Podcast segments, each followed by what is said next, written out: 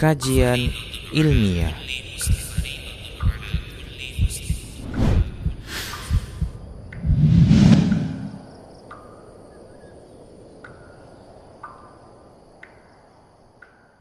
Bismillah, Assalamualaikum warahmatullahi wabarakatuh. Innal hamdalillah nahmaduhu wa nasta'inuhu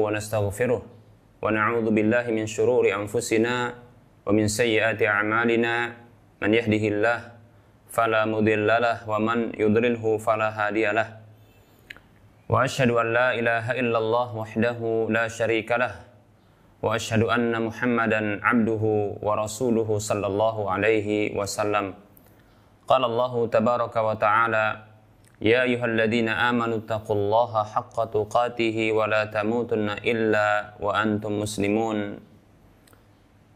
يا أيها الناس اتقوا ربكم الذي خلقكم من نفس واحدة وخلق منها زوجها وبث منهما رجالا كثيرا ونساء. واتقوا الله الذي تساءلون به والأرحام. إن الله كان عليكم رقيبا. يا أيها الذين آمنوا اتقوا الله وقولوا قولا سديدا. يصلح لكم أعمالكم ويغفر لكم ذنوبكم. ومن يطع الله ورسوله فقد فاز فوزا عظيما. أما بعد فإن أصدق الحديث كتاب الله وخير الهدى هدى رسول الله صلى الله عليه وسلم وشر الأمور محدثاتها وكل محدثة بدعة وكل بدعة ضلالة وكل ضلالة في النار. Para pemirsa Rosa TV, para pendengar radio Medan Mengaji di mana saja Anda berada, Semoga Allah Subhanahu wa taala memberikan kebaikan, memberikan penjagaan dan perlindungan kepada kita semua. Amin ya rabbal alamin. Alhamdulillah kita bersyukur atas semua nikmat yang Allah berikan. Selawat dan salam tak lupa kita ucapkan untuk Nabi kita Muhammad sallallahu alaihi wasallam. Kita akan lanjutkan pembahasan fikih muamalah dan kita masih membahas tentang wakaf dan ini insya Allah taala adalah uh, pembahasan terakhir untuk materi wakaf, pembahasan tentang wakaf. Berikutnya kita akan sebutkan apa hukum apabila sebuah wakaf ini akan terhenti manfaatnya. Perlu diketahui bahwasanya wakaf adalah merupakan sebuah akad yang lazim yaitu akad yang dia mengikat tidak boleh dibatalkan tidak boleh dijual belikan tidak boleh dia dihibahkan tidak boleh diwariskan tidak boleh dijadikan sebagai bahan uh, jaminan atau kita katakan barang gadaian demikian. Apabila orang yang berwakaf apabila orang yang berwakaf mendapati wakaf yang telah diberikan ini ini akan mengalami ya, penghentian atau terhentinya pada manfaatnya maka tidak boleh dia membatalkan wakaf tersebut. Ya tidak boleh membatalkan wakaf tersebut lantas diambil kembali ditarik kembali wakaf itu olehnya ini tidak dibenarkan tidak dibenarkan mengapa karena ini ya wakaf adalah akad lazim, akad yang mengikat. Yang tidak boleh sesuatu yang telah dihibahkan, ya ini ditarik kembali. Dalam sebuah hadis Nabi Shallallahu Alaihi Wasallam hadis yang sahih disahihkan oleh Syekh Al Albani rahimahullah taala, alladhi ya'udu ala hibatihi kal kalbi ya'udu ala qai'ihi. Orang yang kembali kepada pemberiannya itu meminta kembali pemberian tersebut, maka dia seperti anjing yang kembali kepada muntahnya. Tentunya menjijikkan dan haram, ya, najis, ya. Baik, nah seperti itu, maka tidak boleh untuk dibatalkan demikian, ya. Lalu bagaimana apabila ternyata manfaat dari wakaf ini akan terhenti, bahkan hilang, ya? Apakah mungkin akan dirobohkan, ya? Eh, bangunan dari wakaf tersebut atau akan dihancurkan dan seterusnya. Maka pewakaf hanya boleh memberikan saran atau pewakaf boleh mengalihkan kepada ya kepada wakaf-wakaf yang lainnya demikian. Dan tentunya ini kepada penanggung jawabnya untuk disarankan. Yang jelas bahwasanya apabila akan terhenti manfaat dari wakaf tersebut,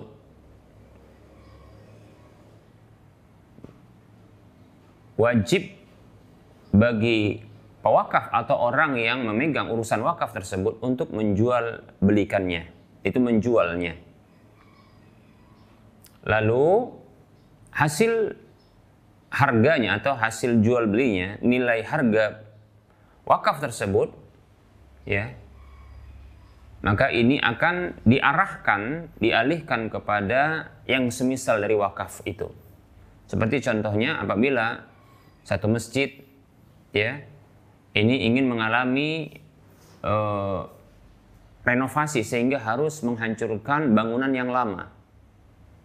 Maka bangunan-bangunan ini bangunan yang lama ini ketika hendak dihancurkan maka tidak boleh ya tidak boleh dibuang begitu saja uh, reruntuhannya ya sisa-sisa batunya maka bisa dijadikan ya sebagai uh, tanah urukan ya tanah urukan atau sebagai bahan untuk menguruk meninggikan uh, lantai dasar dari masjid yang baru ya yang akan berikutnya di, dibangun. Seperti itu. Tidak boleh contohnya diarahkan ya dibuang begitu saja. Demikian ya.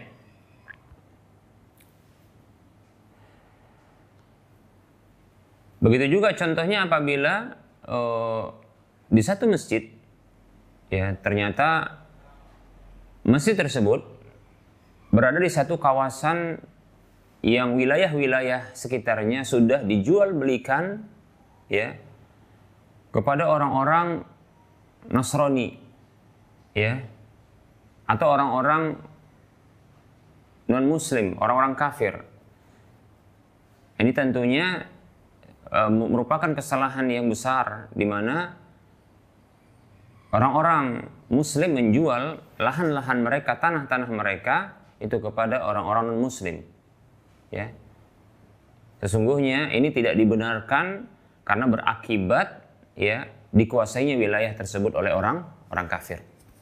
Oleh karenanya ya apabila pun hendak ya mendapatkan manfaat atau keuntungan dari sebuah lahan, maka hendaknya yang diberlakukan adalah sewa, bukan menjual lahan tersebut. Lebih-lebih kepada orang yang menjadi musuh bagi Islam. Demikian. Katakan dalam satu kondisi, dicontohkan ternyata wilayah masjid tersebut di sekitarnya ini ternyata sudah ya dikuasai atau dimiliki oleh orang-orang kafir non muslim sehingga dibangun perumahan-perumahan begitu juga mungkin uh, industri dan seterusnya sehingga ya uh, masjid ini tidak termanfaatkan. Bahkan barangkali ya masjid ini bisa jadi ya akan mengalami kekosongan demikian karena orang-orang muslim tidak lagi berada di sekitarnya untuk memakmurkan masjid tersebut. Jadi apabila seandainya ya dibutuhkan ya e, untuk menjual masjid karena memang e, tidak termanfaatkan masjid tersebut, maka silahkan dijual dan dipindahkan ke masjid yang lain atau di tempat yang lain yang di sana ada pemukiman kaum muslimin yang butuh kepada masjid seperti itu. Jadi ini pemindahan wakaf dan ini dibolehkan. Ini tentunya sebagai bentuk penjagaan terhadap ya kemaslahatan wakaf itu agar terus mengalir pahalanya kepada sang pewakafnya. Demikian. Nah ini dipersyaratkan selama tidak uh, berkonsekuensi berkonsekuensi munculnya ke kerusakan atau kebodorotan ya bagi pihak mana pun. Allah Subhanahu wa taala berfirman dalam surah Al-Isra ayat 34, A'udzu billahi minasyaitonir rajim, "Wa la taqrabu malal yatimi illa billati hiya ahsanu hatta yablugha ashuddah, wa aufu bil ahdi innal ahda kana mas'ula." Allah berfirman yang artinya dan janganlah kalian dekati harta anak yatim kecuali dengan cara terbaik sampai dia mencapai usia dewasa. Dan penuhilah janji, ini dia, penuhilah janji. Di antaranya janji untuk memakmurkan atau mengalirkan manfaat dari wakaf itu. Sesungguhnya janji kelak itu akan dimintai pertanggungjawaban demikian. Baik, para muslim rahimani wa rahimakumullah. Nah, jadi hukum merubah bentuk wakaf ya. Nah, apabila wakaf tersebut akan terhenti, akan hilang manfaatnya, baik itu sebahagian ataupun keseluruhan, ya, maka dianjurkan untuk merubah bentuk wakaf tersebut. Untuk merubah bentuk wakaf tersebut. Contoh, ya, contoh sebahagian eh, contoh ini e, contoh adalah di sebagian tempat mungkin butuh kepada e, butuh kepada pembebasan lahan ya. Contoh satu tempat di satu tempat wilayah ini butuh pembebasan lahan. Sementara ada orang yang ingin mewakafkan ya e, sumber air komplit dengan sarana prasarana seperti mungkin e, mesin ya. Begitu juga mungkin jasa untuk pengeboran ya. Karena mungkin ini adalah sumur bor yang ingin di, di, dibuat. Demikian. Namun ternyata ada beberapa sumur bor yang sudah ada. Sementara yang dibutuhkan ya adalah barangkali pembebasan lahan.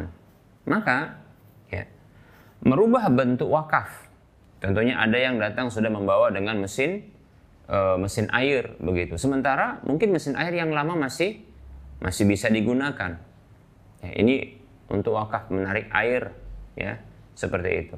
Ternyata banyak ya. Contoh ini ya kita ulangi lagi. Contoh di satu e, pendidikan Islam ya itu membutuhkan contohnya sumur bor sebelumnya sekaligus pembebasan lahan. Lalu diumumkan kepada kaum muslimin untuk berwakaf e, mesin air. Mungkin dengan cara dirinci. Siapa yang hendak mungkin e, mengeluarkan biaya wakaf pengeboran, ya. Kemudian begitu juga mesin air, sehingga ketika ada tertanggulangi untuk penanggung jawab sebagai penanggung jawab pengeboran, ya, ternyata datang beberapa mesin air Ya, sehingga ya yang dibutuhkan cuma satu saja. Lalu dipilihlah ya yang terbaik mesin air yang ada. Tersedia karena sudah diarahkan beberapa mesin air yang ini dikhawatirkan bila tidak digunakan maka akan mengalami kerusakan. Bersamaan dengan itu ya ternyata ya pengelola pendidikan Islam ya itu sedang membebaskan lahan maka tentunya ya dianjurkan dibolehkan ya untuk mengalihkan mesin air tersebut dengan cara dijual ya untuk diarahkan sebagai pembebasan lahan seperti itu ya. Karena mungkin ketika itu juga membutuhkan untuk perluasan pendidikan ya sarana pendidikan. Demikian para muslim rahimani wa rahimakumullah. Nah begitu juga contohnya ya eh, perubahan eh, bentuk wakaf. Contohnya dari oh, satu kebun ya ke, perkebunan yang menghasilkan ya itu dirubah sebagian atau keseluruhannya ya itu menjadi contohnya masjid atau contohnya eh, rumah-rumah bagi anak-anak yatim yang kemudian akan dibiayai dari uh, sebahagian lahan yang ditanami dan menghasilkan hasil buminya. Demikian ya. Nah seperti itu. Maka ini insya Allah taala dibolehkan. Nah biaya untuk perubahan tersebut ini tentunya diambil dari wakaf itu ya yang sesamanya selama ya tidak dipersyaratkan dari yang lainnya seperti itu ya. Baik ya. Uh, oleh karenanya dari sini bisa kita ambil kesimpulan bahwasanya ya boleh ya dibolehkan untuk ya uh, memberlakukan wakaf itu berbeda dengan apa yang dinyatakan oleh pewakaf. Dengan syarat ya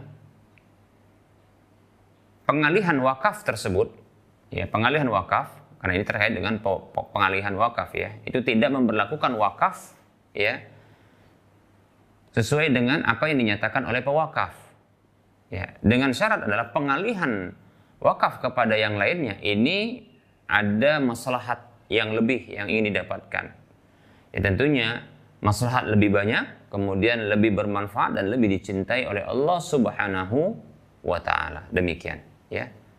Nah ini dia, lebih banyak maslahatnya, lebih banyak manfaatnya dan lebih dicintai oleh Allah Subhanahu wa taala. Seperti yang pernah kita sampaikan pada pertemuan yang lalu, ya. Apabila eh, apabila ada pewakaf yang mewakafkan sesuatu dengan hartanya untuk diarahkan pada pembelian sesuatu, ya.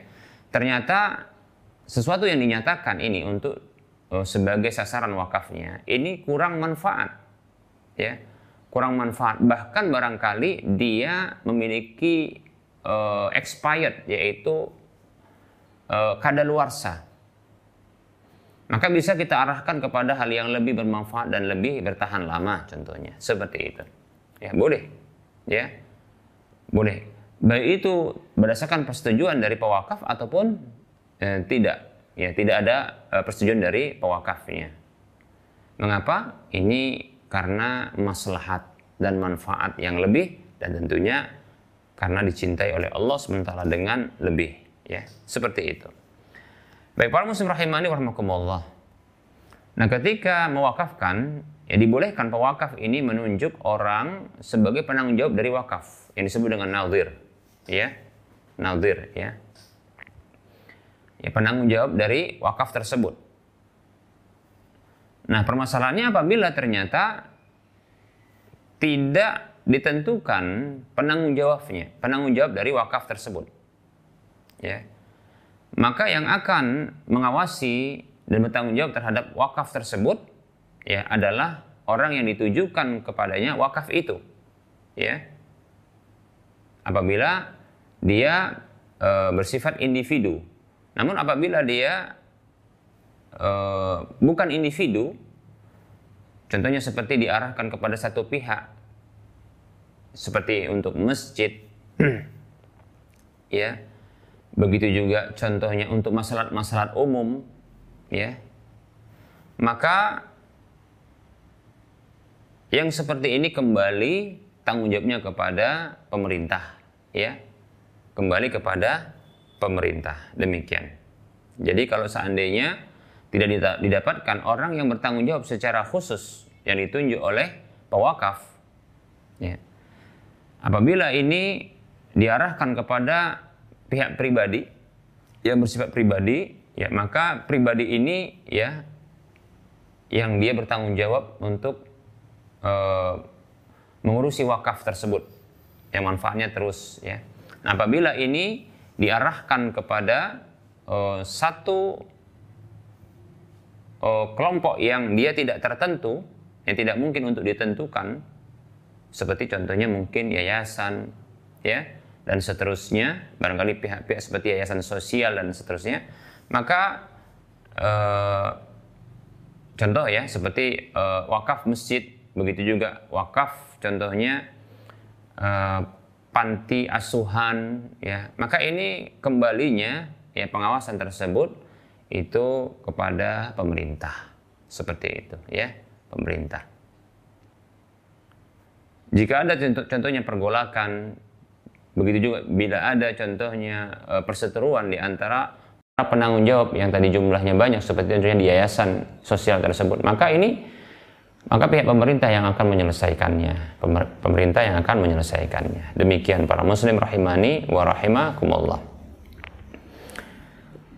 Eh, kita berikutnya akan membahas tentang apa saja wakaf yang paling afdol ya yang e, pertama sekali kita akan jelaskan bahwasanya segala sesuatu yang boleh untuk dijual belikan dan boleh untuk dimanfaatkan maka boleh ketika itu untuk diwakafkan tentunya ya.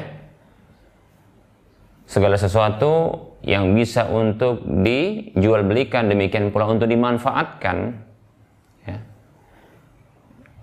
bersamaan dengan uh, masih bertahannya fisik barang tersebut maka ini boleh untuk diwakafkan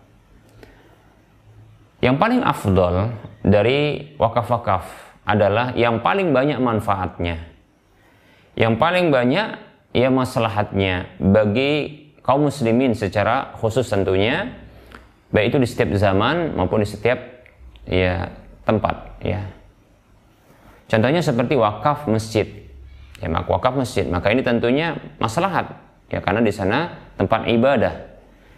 Sebanyak orang mendapatkan ya kenyamanan dalam beribadah di tempat tersebut ya di tempat tersebut sebanyak orang yang ber e, apa namanya beribadah di tempat tersebut mendapat kenyamanan beribadah di tempat tersebut maka Orang yang mewakafkan yang mendapatkan pahala demikian. Begitu juga contohnya sarana prasarana pendidikan Islam. Maka siapa saja yang uh, turut serta untuk membangun atau mengadakan dengan hartanya bangunan fisik atau sarana prasarana pendidikan Islam, maka tersebarnya ya Islam ke seluruh penjuru disebabkan orang-orang yang belajar di tempat tersebut yang menyebarkannya sebanyak itu juga dia akan mendapatkan pahalanya. Demikian. Begitu juga contohnya uh, mencetak musab-musab Quran begitu juga. Contohnya buku-buku ya buku-buku agama buku-buku ya ilmu syar'i contohnya ya. Kitab-kitab. Ini kemudian diwakafkan. Maka seperti ini Ya, selama orang mendapatkan manfaat dari ilmu yang disampaikan, ya, dari buku-buku tersebut, begitu juga orang yang membacanya, kemudian orang tersebut menyebarkan ilmu tersebut, maka selama dan sebanyak itu dia akan mendapatkan pahala yang terus mengalir. Ini tentunya apa? Tentunya ya wakaf yang paling afdol demikian. Begitu juga wakaf uh, yang diarahkan untuk penuntut ilmu. Ya, penuntut ilmu. Contohnya, dia wakafkan satu usahanya yang terus dikelolanya, nanti hasilnya ini ya digunakan untuk mendanai pendidikan ya para penuntut ilmu syar'i contohnya. Wah, ini luar biasa, ya. Ini akan apa? Terus mengalir pahalanya, terus mengalir pahalanya ya. Selama ya ilmu tersebut dituntut ya selama orang-orang tersebut dibiayai itu menuntut ilmu, begitu juga nanti menyebarkan dan menyampaikannya. Berdakwah, Masya Allah ya. Sampai terus menerus. Dan ini bisa ya menjadi tentunya ilmu termasuk ilmu yang bermanfaat. Begitu juga jihad fisabilillah ya, wakaf untuk membiayai jihad fisabilillah orang-orang yang berjihad di jalan Allah. Begitu juga ya wakaf untuk karib kerabat. Ya, yang ini tentunya akan mendapatkan dua pahala yaitu pahala uh, pemberian dan pahala silaturahim ya begitu juga ya wakaf yang diarahkan untuk orang-orang fakir dari kalangan kaum muslimin dan seterusnya ya. Anak-anak yatim para janda ya.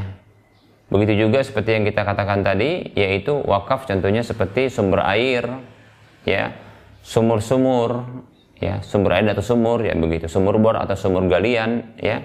Begitu juga ya e, perkebunan pertanian yang terus akan e, mengalir menghasilkan e, keuntungan kemudian akan diarahkan kepada orang yang membutuhkan. Yang seperti ini maka ini yang insya Allah terbaik. Allah subhanahu wa ta'ala berfirman di dalam surah Al-Baqarah 261 A'udzu billahi minasyaitonir rajim Masalul ladzina yunfiquna amwalahum fi sabilillahi kamasali habbatin ambatat sab'a sanabila fi kulli sumbulatin mi'atu habbah. Wallahu yudha'ifu liman yasha wallahu wasi'un alim. Allah berfirman permisalan orang-orang yang menginfakkan harta mereka di jalan Allah itu seperti permisalan satu biji yang menumbuhkan tujuh batang, tujuh bulir di masing-masing bulir atau batang tersebut ada 100 biji. Luar biasa, satu menumbuhkan 700. ya satu biji menumbuhkan 700 biji ini pahala yang besar tentunya ya bahkan wallahu yudha'ifu liman yasha Allah melipat gandakan bagi siapa saja yang Allah kehendaki wallahu wasi'un alim dan Allah maha luas karunianya dan maha mengetahui demikian seperti itu nah Allah maha tahu siapa saja yang berinfak walaupun secara diam-diam dan Allah maha luas ya untuk bisa membalas ya lebih daripada 700 kali lipat demikian ya. Nah, para muslim rahimani warahmatullah. Bagaimana eh, apabila wakaf tersebut telah terpenuhi syarat-syarat zakatnya? Apakah ada zakat pada wakaf? Nah, wakaf itu ada dua kondisinya. Ada dua kondisinya. Kondisi yang pertama, ya, wakaf itu diarahkan kepada pihak yang berhak untuk mendapatkan zakat. Seperti contohnya adalah fakir, miskin, ya, dan yang lainnya, maka tentunya ini tidak ada zakat padanya, ya. Karena mengapa? Karena sudah sampai kepada orang yang berhak untuk menerima zakat demikian. Kemudian yang kedua adalah wakaf ya atau kondisi wakaf yang kedua adalah Apabila wakaf tersebut ya diarahkan kepada pihak yang tidak berhak untuk menerima zakat. Contohnya ini diwakafkan untuk anak-anak keturunannya seterusnya, baik lagi itu perempuan sampai anak cucunya, ya. Maka yang seperti ini ini sekedar mengarahkan harta ya kepada orang-orang yang diarahkan sebagai uh, sasaran wakaf, ya. Dan mereka ini bukanlah orang yang Eh, berhak menerima zakat tentunya. Ya. Maka apabila terpenuhi syarat-syarat wajib zakat, seperti contohnya telah sampai nisabnya, yaitu batas minimal harta yang wajib dizakati. Ya. Demikian. Apabila dia kebun, contohnya kebun, ya, perkebunan, dan itu contohnya adalah eh, kebun-kebun yang wajib zakat maksudnya eh, tanaman-tanaman yang dia termasuk wajib zakat ya maka apabila ya telah tiba masa panennya dan telah memasuki nisabnya itu batas minimal kurang lebih sekitar 300 eh, 3 eh, 300 sok ya sekitar 5 wasak ya. Maka ketika itu ada wajib zakatnya. Demikian dikeluarkan zakatnya. Apabila dia contohnya berupa perniagaan, ya wakaf berupa contohnya usaha dan ada perniagaan dan ini diarahkan untuk anak, anak-anak cucunya seterusnya, ya. Wakaf ini, nah maka ketika setahun sekali, ya apabila telah terpenuhi syarat uh, nisab dan haulnya, yaitu nisab batas minimal, ya harta yang wajib dizakati, ya yaitu dia konversinya kepada emas atau perak di sini ada perbedaan pendapat ya bisa ke perak atau ke emas sesuai dengan uh, kecondongan orang tersebut terhadap uh, konversi ya uh, nisab dari perniagaan tersebut ya apakah ke perak atau ke ke emas contohnya. Dan telah sampai satu tahun maka terpenuhi wajib zakat perniagaan seterusnya seperti itu sisanya nanti baru diarahkan untuk ya orang-orang yang menjadi sasaran wakaf yang tidak ada berhak terhadap uh, harta zakat. Demikian para muslim rahimani wa rahimakumullah. Nah, itu rincian untuk apa? Untuk uh, zakat pada wakaf. Baik, lalu bagaimana apabila ada orang kafir yang berwakaf? Nah, ini dia ya, orang orang kafir yang uh, berwakaf. Perlu kita ketahui bahwasanya wakaf ini merupakan salah satu ibadah yang seorang hamba mendekatkan dirinya kepada Allah Subhanahu wa taala. Nah, tentunya tidak ada pahala sedikit pun yang akan didapatkan oleh orang kafir dalam ibadah mana pun. Ya. Mengapa? Karena orang-orang kafir itu tidak akan bisa mendapatkan balasan karena amalnya itu batal. Allah Subhanahu wa taala berfirman dalam surah Al-Maidah ayat 5, A'udzu billahi minasyaitonir rajim, "Wa may yakfur bil imani faqad habita 'amaluhu wa huwa fil akhirati minal khasirin." Siapa saja yang kafir ya, tidak beriman, maka batallah amal-amalnya dan dia di akhirat termasuk orang-orang yang merugi demikian, ya. Seperti itu. Maka tidak akan didapatkan orang kafir terhadap amal-amalnya. Hanya saja ya wakaf yang diberikannya yang telah diarahkannya apabila memang wakaf tersebut terpenuhi syarat syar'inya maka ini sah dari orang kafir dan dia tidak mendapatkan pahala sedikit pun ya pahala sedikit pun di akhirat. Mengapa? Karena batal amalnya. Tidak dianggap. Hanya saja Allah Subhanahu wa taala zat yang maha baik. Zat yang e, bersyukur terhadap kebaikan-kebaikan hambanya walaupun orang tersebut adalah hambanya yang kafir yang tidak mau beriman kepadanya Allah Subhanahu wa taala tetap membalas perbuatan baiknya di dunia saja, tidak di akhirat. Karena ini untuk membedakan antara orang beriman dengan orang kafir. Demikian. Ya maka ya dia akan mendapatkan pahala, maaf, dia akan mendapatkan balasan dari kebaikan yang dilakukannya dengan wakafnya itu seperti dia akan dilimpah, dilipatkan di uh, di uh, diberikan harta yang berlipat bisa jadi. Ya atau diberikan anak contohnya atau diberikan kesehatan di dunia. Namun dia tidak mendapatkan bahagian sedikit pun di akhirat. Ya mengapa? Karena kekafirannya. Yang ini menghalangi untuk diterima diterima amalnya. Demikian. Ya. Allah Subhanahu wa taala berfirman dalam surah Hud ayat 15 dan 16. A'udzu billahi minasyaitonir rajim. Man kana yuridul hayatad dunya wa zinataha nuwaffi ilaihim a'malahum fiha wa hum fiha la yubkhasun. Ulaika alladziina laisa lahum fil akhirati illa an-nar wa habita ma sana'u fiha wa batilu ma kanu ya'malun. Allah berfirman, yang artinya, siapa saja menginginkan kehidupan dunia dan perhiasannya, tentunya apa? Dengan amal-amalnya. Dengan dia berbuat kebaikan, ya berbuat uh, ketaatan, ya. Dan tentunya ketaatan dan kebaikan ini diperintahkan oleh Allah Subhanahu wa taala. Dia inginkan dengan amal-amal kebaikannya tersebut ya kehidupan dunia dan perhiasannya maka Allah mengatakan nuwafi ilaihim a'malahum fiha kami akan berikan penuhi.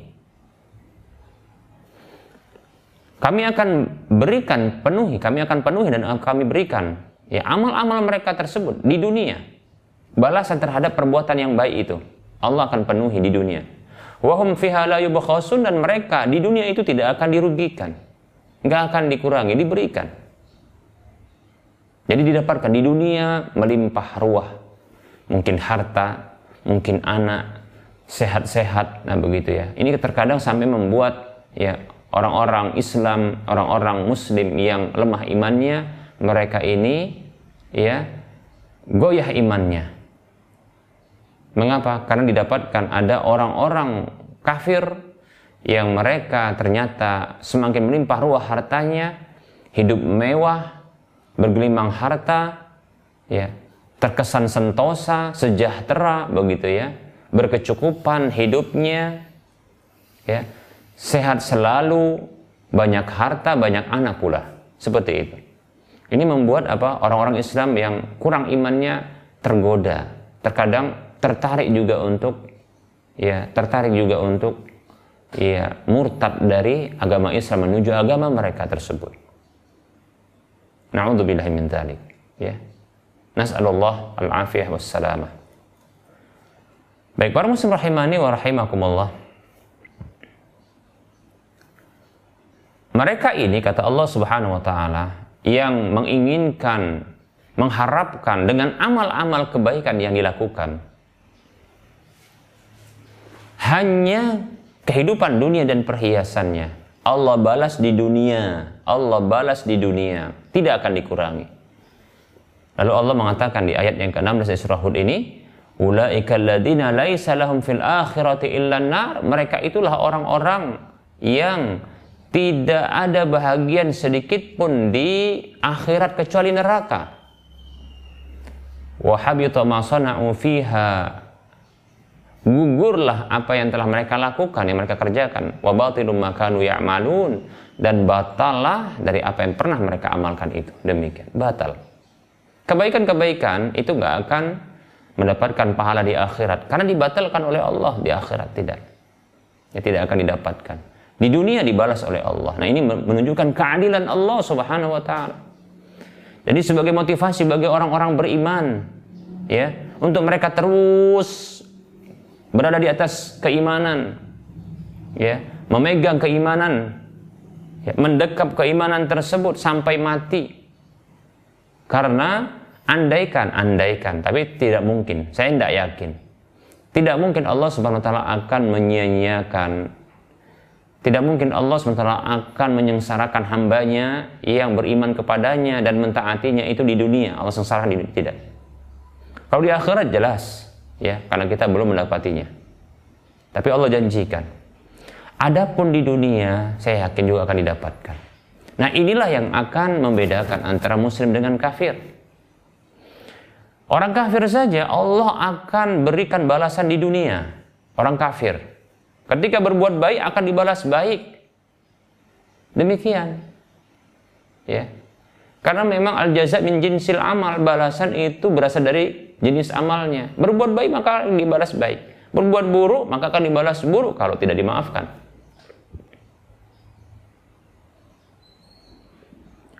Orang kafir di dunia dapat. Saya tidak yakin orang muslim tidak akan dapat. Pasti insya Allah dapat. Hanya saja tak disadari. Dan lebih banyak lebih banyak melihat kepada yang di atas.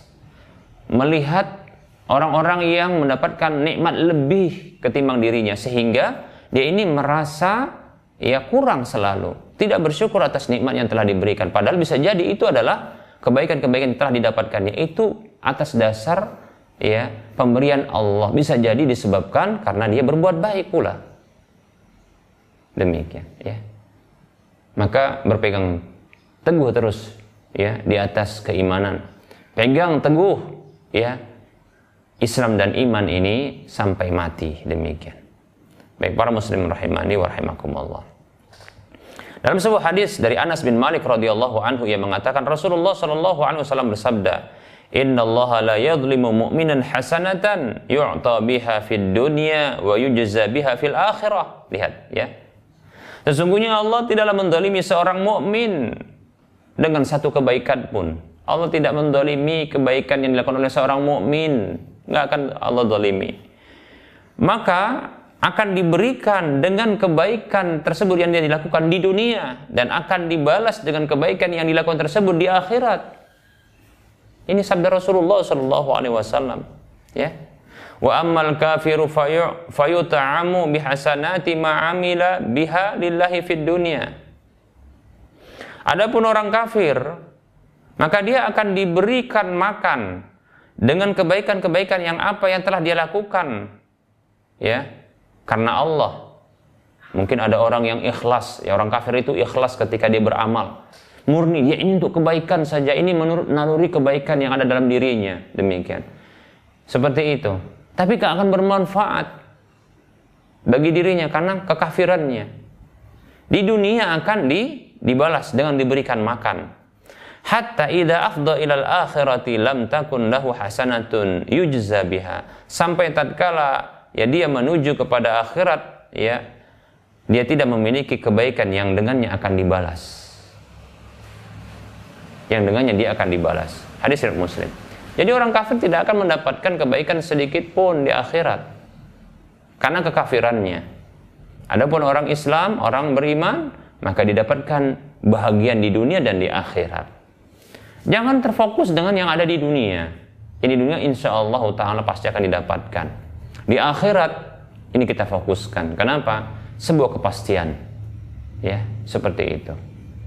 Baik para muslim rahimani warahmatullah. Ya, oleh karenanya ya kembali saya ingatkan semoga Allah Subhanahu wa taala menjadikan kita sebagai hamba-hambanya yang beriman selalu dan beramal soleh ya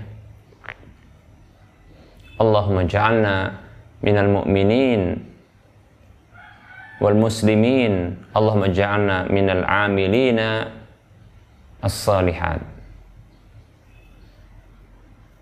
Kita cukupkan untuk penyampaian materi dan kita lanjutkan dengan sesi soal jawab.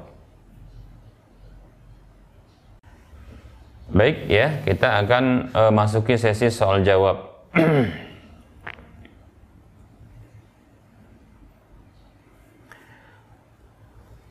Bismillah, Assalamualaikum Ustadz. Maaf di luar tema. Saya mau menanyakan hukum jasa titip di mana seseorang memposting produk di sebuah toko yang berminat bisa order buat dibeli eh, buat dibelikan di mana menggunakan uang orang yang posting jasa titip tersebut. Nanti setelah dibeli baru dijual ke pengorder dengan harga dinaikkan. Syukron. Abu Naila Kaltim Barakallah Fik Abu Naila ya syukron atas pertanyaannya saya ulangi ya saya ulangi agar semakin jelas bagi saya dan bagi para pe, uh, pendengar sekalian saya mau menanyakan saya mau menanyakan hukum jasa titip di mana seseorang memposting produk di sebuah toko. Jadi ada produk di sebuah toko yang dipostingnya di media sosial begitu maksudnya.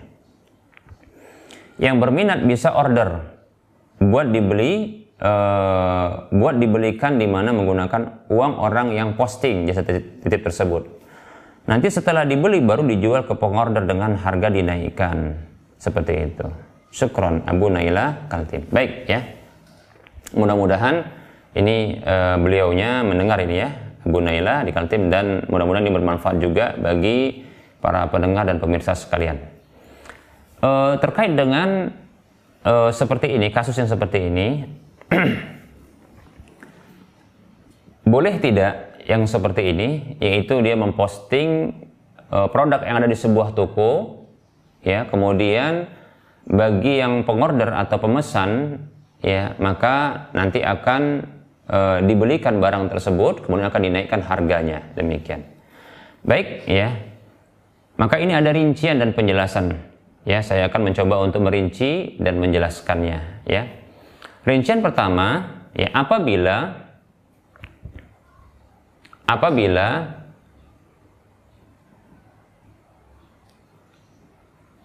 postingan terhadap produk yang ada di sebuah toko tanpa seizin dari sang pemilik toko atau pemilik barang tersebut, kemudian dia menjual, kemudian sang pemosting tersebut dia menjual sebelum barang itu dimiliki. Saya berikan rincian dulu ya. Menjual sebelum barang itu ya dimiliki dengan cara contohnya disepakati harga terlebih dahulu ya. Dan barang itu belum dibeli oleh sang pemosting maka ini jatuh kepada larangan la tabi ma laisa indak. Nabi sallallahu alaihi wasallam itu pernah ya e, menyampaikan sebuah hadis Nabi wasallam kepada e, Hakim Ibnu Hizam. Jadi Rasulullah wasallam pernah menyampaikan ungkapan beliau kepada Hakim Ibnu Hizam tatkala Hakim Ibnu Hizam radhiyallahu anhu pernah bertanya demikian seperti ini. Wahai Rasulullah, seseorang meminta kepadaku penjualan satu barang ya yang aku belum memilikinya. Bolehkah aku menjual ya? Bolehkah aku menjual barang tersebut lalu aku nanti membeli dari pasar? Maka Rasul mengatakan la tabi ma laisa indak. Jangan engkau jual barang yang belum engkau miliki. Demikian. Ya, maka ini terlarang, ya tidak boleh. Dengan rincian yang pertama yang saya sebutkan. Baik. Rincian yang kedua, Ya, rincian yang kedua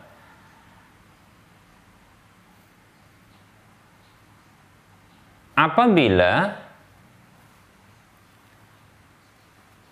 sang pemosting tersebut mengambil atau mencuplik produk-produk, foto-foto produk dari barang yang ada dimiliki di toko lain atau dia bukan pemilik toko, uh, pemilik barang tersebut, kemudian dia uh, menerima orderan, pesanan dari orang memesannya. Kemudian tidak memperlakukan harga, namun membeli terlebih dahulu. dari pemilik toko. Ya, dari pemilik toko. Kemudian dia membayar atau dengan cara terhutang pembelian. Lalu barang tersebut belum sampai kepada dirinya, lantas dijual kepada sang sang pengorder atau pemesan. Sementara barang tersebut ya belum ya dimilikinya. Namun dia setelah membelinya, dia mem memiliki tapi belum sempurna karena belum sampai kepada dirinya. Maka ini juga terlarang, tidak boleh. Nah ini menyalahi sabda Nabi Shallallahu Alaihi Wasallam mani beta'a ta'aman fala yabi'hu hatta yakbidahu. Maqala Ibnu Abbas radhiyallahu anhuma wa ahsibu kulla syai'in bimanzilati ta'am. Nabi Shallallahu Alaihi Wasallam bersabda, siapa saja yang membeli makanan, maka janganlah dia menjual kembali makanan tersebut sampai dia menerima makanan itu. Kata Rasulullah. Kata Ibnu Abbas radhiyallahu anhu, aku meyakini semua barang ya, semua barang ya, semua barang itu seperti makanan. Jadi segala sesuatu bukan hanya makanan, itu ketika dibeli tidak boleh dijual kembali sampai di diserah terimakan seperti seperti itu.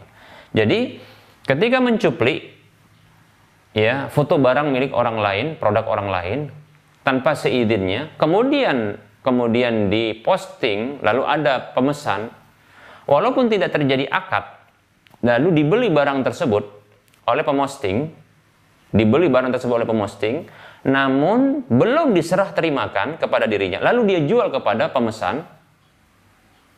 Belum, saya ulangi, dia membeli namun belum sampai kepada dirinya. Belum dia terima. Baik itu dia sendiri yang menerimanya atau wakil yang menerimanya. Tidak ada yang menerimanya. Bahkan langsung itu diarahkan kepada sang sang pengorder. Dijual. Sementara barang tersebut belum menjadi miliknya. Maka ini terlarang. Ya, Mengapa demikian? Ini termasuk ya ada goror di sini. Bagaimana bila ternyata barang tersebut rusak di jalan? Siapa yang menanggung? Yang menanggung pengorder atau pemilik toko? Nah demikian, ini permasalahannya. Baik ya, ini dilarang. Baik, rincian yang ke eh, yang ketiga. Rincian yang ketiga adalah ya apabila rincian yang ketiga apabila seseorang memposting. Ini dua rincian sebelumnya ini tidak boleh rincian yang berikutnya ini boleh ya. Contoh ada orang yang memposting. Penjual online ini ya memposting produk-produk milik toko lain atau milik orang lain. Lalu dia pasang di uh, lapaknya. Kemudian ada pemesan dan dan dia tidak ya memberikan ya kesepakatan harga dan tidak memperlakukan kesepakatan harga ya yang dilayani adalah cuma mungkin e, penjelasan terhadap karakteristik barang, spesifikasi barang yang dipesan. Namun ketika ber, e, ber, berlanjut kepada harga maka dia pending. Ini rincian yang ketiga ya. Dia pending harga, tidak menyebutkan tentang harga, Lalu kemudian dia membeli barang tersebut. Membeli barang tersebut dari toko ter, ya toko di mana dia mendapatkan eh, gambar-gambar uh, produk tersebut. Dibeli lantas barang tersebut diserah, diserah terimakan kepada dirinya. Dia telah menerimanya. Baik dirinya sendiri menerimanya atau perwakilannya. Dia wakilkan. Bukan kepada pemilik toko ya, tapi kepada pihak lain. Tentunya ada pegawai yang membelinya ya seperti itu di toko tersebut sesuai dengan pesanan. Sudah diterima, maka boleh dia menjualnya dengan kesepakatan harga. Demikian. Ini rincian yang ketiga dan ini boleh. Rincian yang keempat ini juga boleh adalah ya sebelum dia memposting, sebelum dia memposting produk-produk gambar-gambar produk dari satu toko yang lain, maka dia menghubungi toko-toko tersebut atau pemilik barang tersebut, owner dari barang-barang tersebut atau produsen dari barang-barang tersebut. Dia hubungi, dia mintakan izin kepada mereka untuk menjualkan barang. Maka dalam kasus ini, ya, dia berposisi sebagai simsar. Tindakan ini disebut dengan samsaroh, yaitu akad keagenan. Maka yang dibutuhkan adalah satu ya. Apabila ya harga barang ditentukan oleh pemilik toko atau pemilik barang. Harga jual barang ditentukan oleh pemilik barang ya maka diwajibkan untuk disepakati berapa fee atas penjualan tersebut. Upah agennya berapa? Itu wajib. Kalau tidak maka ini jatuh kepada goror ketidakjelasan yang kedua adalah apabila harga jual ditentukan oleh sang agen, maka diwajibkan untuk diketahui berapa harga dasar dari sang pemilik barang atau toko ya atau produsennya. Demikian. Seperti itu Bila tidak, maka ini jatuh kepada kepada eh, kepada horor juga. Apabila tidak ditentukan, maka ini jatuh kepada horor. Jika tidak jelasan. Sehingga ketika barang contohnya harga jual ditentukan oleh sang sang agen, sementara tidak diketahui ini berapa harga dasarnya, maka ini akan terjadi perselisihan. Seperti itu, ya demikian. Nah, apabila ternyata dalam eh, Kondisi yang pertama tadi, apabila ternyata sang agen itu menjual barang dengan harga melebihi dari harga yang ditetapkan oleh sang pemilik barang, maka sesungguhnya kelebihan tersebut adalah dimiliki oleh sang sang pemilik barang atau produsen atau toko tersebut. Demikian. Maka ya dia hanya berhak terhadap ya fee yang telah ditentukan tersebut dalam kondisi yang pertama tadi ya. Nah seperti itu. Nah ini empat rincian yang dua di antaranya haram, dua pertama dan dua yang terakhir ya ini maka hukumnya boleh. Wallahu taala alam.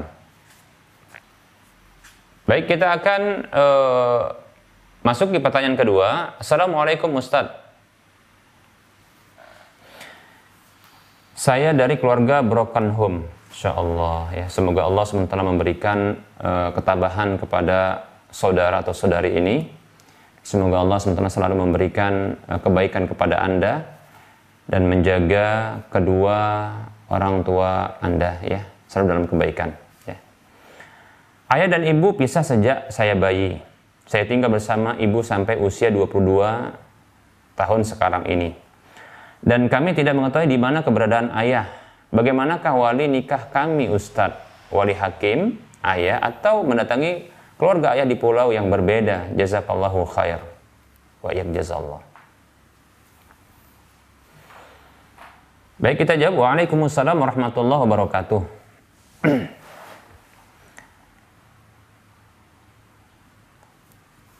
Untuk kasus uh, seperti ini, ya tentunya berarti ini sang penanya adalah uh, seorang wanita ya karena bertanya tentang wali ya. Nah, kalau laki-laki kan tidak butuh wali ya hanya wanita yang butuh kepada wali. Lalu bagaimana kondisinya bila ternyata orang tua ini tidak diketahui yaitu ayah itu tidak diketahui ya uh, rimbanya di mana tinggalnya? Baik tentunya apabila ya ada udur wali yang berhak. Tentunya dalam hal ini yang berhak adalah ayah. Tidak diketahui seperti ya udurnya karena tidak diketahui ya keberadaannya. Maka bisa berpindah perwalian tersebut kepada setelahnya. Ya para ulama berbeda pendapat ya setelah wali yang berhak ini siapakah yang yang yang berikutnya? Ada berpendapat setelah itu adalah ya anak ya Kemudian ada juga yang berpendapat setelah itu adalah kakek, ada yang berpendapat setelah itu adalah saudara-saudara kandung. Demikian. Baik, maka wallahu taala alam saya condong ya, kalau ada saudara-saudara kandung maka dahulukan saudara kandung. Ya. Demikian. Maka saudara kandung. Contoh dari e, pernikahan ini bukan hanya lahir ya anak perempuan tapi ada anak laki-laki. Maka anak laki-laki ini bisa dijadikan sebagai wali. Seperti itu. Apabila telah menjadi e, dewasa atau menjadi oh, sudah sudah balik demikian.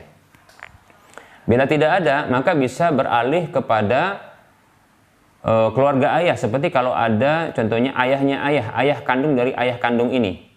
Ya maka kakek bisa untuk menikahkan. Begitu juga kalau seandainya ada saudara kandung dari ayah. Ya maka bisa saudara kandung. Temui mereka. E, paling tidak dimintakan izin kepada mereka. Contohnya, ya e, hubungi datang secara uh, khusus begitu untuk bersilaturahim dengan keluarga ayah. Lalu tanyakan keberadaan ayah. Nomor teleponnya dan seterusnya kan begitu ya. Apalagi sekarang mudah untuk berhubungan jarak jauh ya. Nah kemudian ya silaturahim setelah uh, berlangsung maka tanyakan tentang kasus nanti pernikahan. Bagaimana siapakah yang menjadi wali? Contohnya ya kalau seandainya mungkin setelah ditemukan ayah bisa dihubungi ayah. Ayah diminta untuk bisa menjadi wali. Ayah tidak bersedia karena jauh mungkin atau karena sibuk, maka boleh untuk mewakilkan kepada kepada yang lainnya yang di uh, yang disetujui oleh sang ayah tentunya demikian. Jika ayah tidak ada, maka dan tidak diketahui juga, bahkan pihak keluarga ayah juga tidak mengetahui, maka ya bisa beralih kepada pihak uh, keluarga ayah yang lainnya. Seperti tadi contohnya adalah eh, kakek atau contohnya paman ya itu saudara kandung ayah nah kalau mereka juga sulit untuk bisa hadir dalam pernikahan tersebut maka ya maklumi saja lalu mintakan kepada mereka untuk mewakilkan kepada siapa ya kepada siapa yang di uh, yang disetujui oleh mereka seperti itu nah ini namanya uh, apa namanya wakil dalam perwalian dan itu dibolehkan Apakah kepada yang ada hubungan kerabatan ataupun tidak? Seperti contohnya kepada ustadz atau kepada siapa pun boleh. Namun akan selesai masalahnya apabila contohnya ternyata ada saudara kandung. Bukan saudara seibu, tapi saudara kandung dari e, dari sang wanita yang bertanya ini, saudara kandungnya yang sudah balik contohnya. Maka saudara kandung yang balik ini sudah bisa untuk menikahkan. Demikian. Kalau dia pun sungkan bisa contohnya diwakilkan kepada yang lain seperti itu. Lalu bagaimana apabila ternyata ya apabila ternyata tidak juga ditemukan, tidak ada yang lain, wali-wali yang lain tidak ada, ya. Keluarga tidak didapatkan, keluarga sang ayah tidak didapatkan, tidak ada juga saudara kandung, tidak didapatkan. Yang ada cuma dia bersama dengan ibunya. Yang ada pun contohnya adalah eh, saudara-saudara seibu saja yang laki-laki. Menurut satu pendapat dia dibolehkan. Ini ada pendapat uh, ulama-ulama uh, uh, Hanafi membolehkan bahwasanya yang menjadi wali itu adalah saudara-saudara kandung seibu. Ya. Uh, bukan saudara kandung seibu, saudara seibu. Ya. Saudara laki-laki yang seibu demikian. Itu dibolehkan ya menurut mazhab Hanafi demikian ya. Tapi saya condong wallahu taala alam ketika memang demikian maka bisa beralih kepada ya eh, pihak KUA yang mereka ini adalah perwakilan pemerintah ya dalam masalah eh, pernikahan dan peradilan agama. Kata Nabi wasallam fasultan waliyu man la waliyalahu. Pemerintah itu adalah wali bagi orang yang tidak punya wali. Demikian. Seperti itu. Demikian ya. Semoga bermanfaat. Jazakallahu khairan wa anti fajazakillahu khaira. Ada pertanyaan di sini, Assalamualaikum. Orang Islam berbuat maksiat sampai mati, bagaimanakah di padang mahsyar? Maksiat itu ya tentunya dibagi menjadi beberapa, ya. Sesungguhnya semua bentuk pelanggaran terhadap ketetapan Allah disebut dengan maksiat karena maksiat itu artinya adalah ya uh, isyan yaitu kedurhakaan kepada Allah SWT. Segala bentuk pelanggaran itu pelanggaran ketetapan Allah disebut dengan kedurhakaan. Sampai pun yang tertinggi kekufuran dan kesyirikan demikian. Ya, baik kita akan sebutkan mungkin ada berbuat maksiat adalah contohnya berbuat dosa dan dosa itu bertingkat-tingkat. Ada dosa kekufuran dan kesyirikan. Ada dosa kekufuran dan kesyirikan. Maka apabila kekufuran dan kesyirikan ini ya dibawa manti kufur kafir begitu ya ini kufur kufur as, uh, kufur akbar ya bukan kufur asghar begitu juga syirik ya syirik akbar maka bisa jadi di sisi Allah Subhanahu wa taala itu tidak akan diampuni ya karena ya kesyirikan itu kedoliman yang paling besar Allah Subhanahu wa taala mengabadikan perkataan Luqman Al-Hakim kepada anaknya Inna syirka la zulmun azim. Sesungguhnya kesyirikan itu adalah benar-benar kedoliman yang sangat besar. Demikian. Ya. Bahkan Allah mengatakan di dalam surah An-Nisa ayat 48 dan 116, A'udzu billahi minasyaitonir rajim. Innallaha la yaghfiru ay yushraka bihi wa yaghfiru ma duna dzalika liman yasha. Sesungguhnya Allah tidak mengampuni dosa syirik kepadanya, namun Allah mengampuni dosa di bawah derajat kesyirikan bagi siapa saja yang dikehendaki. Demikian. Nah, ini bahaya kesyirikan dan kekufuran ini bahaya. Makanya bertobat kita dari dari keduanya dan dari semua bentuk pelanggaran ya kemaksiatan kepada Allah. Adapun kemaksiatan terhadap kemaksiatan yang dibawa derajat kesyirikan dan kekufuran, maka ini ada peluang untuk dimaafkan. Ada peluang untuk dimaafkan ya, dimaafkan oleh Allah Subhanahu wa taala tentunya bagi bagi orang yang dikehendaki. Tadi sudah kita sebutkan ayatnya, wa yaghfiru maduna dzalika liman yasha dan Allah mengampuni dosa yang dibawa derajat hal itu yaitu dibawa derajat kesyirikan yang ia juga merupakan kekufuran. Bagi siapa saja yang dikehendaki. Demikian. Seperti itu ya. Ini terkait dengan hak-hak Allah. Adapun terkait dengan hak manusia, terkait dengan hak manusia, maka Allah Subhanahu wa taala serahkan ya, serahkan kemaafan dari kemaksiatan terkait dengan hak manusia ini kepada hamba tersebut.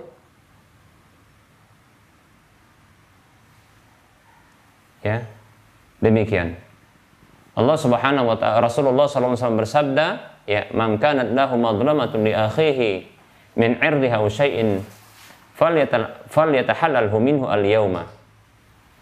Siapa saja yang memiliki kezaliman kepada saudaranya, baik itu berupa kehormatan yang pernah dia lecehkan atau apa saja, ya, maka maka hendaklah dia ya minta halal pada hari ini juga. Ya. Ya. Sebelum datang qabla alla yakuna dinarun wala dirhamun. Jangan sampai ya sebelum datang hari atau waktu di mana tidak ada dinar dan dirham untuk membalasnya, untuk membayarnya demikian. Kalau dia memiliki kebaikan-kebaikan ya maka akan diambil ya kebaikan tersebut sekadar setakar seukuran kedoliman yang dilakukan. Kalau dia tidak lagi memiliki kebaikan-kebaikan, maka maka ya kedoliman uh, dosa-dosa orang yang pernah didolimi tersebut ini akan dibebankan kepadanya. Demikian. Dalam hadis tentang muflis, orang yang bangkrut itu di akhirat, itu dia akan dicampakkan ke dalam neraka. Nauzubillah min Seperti itu ya. Baik.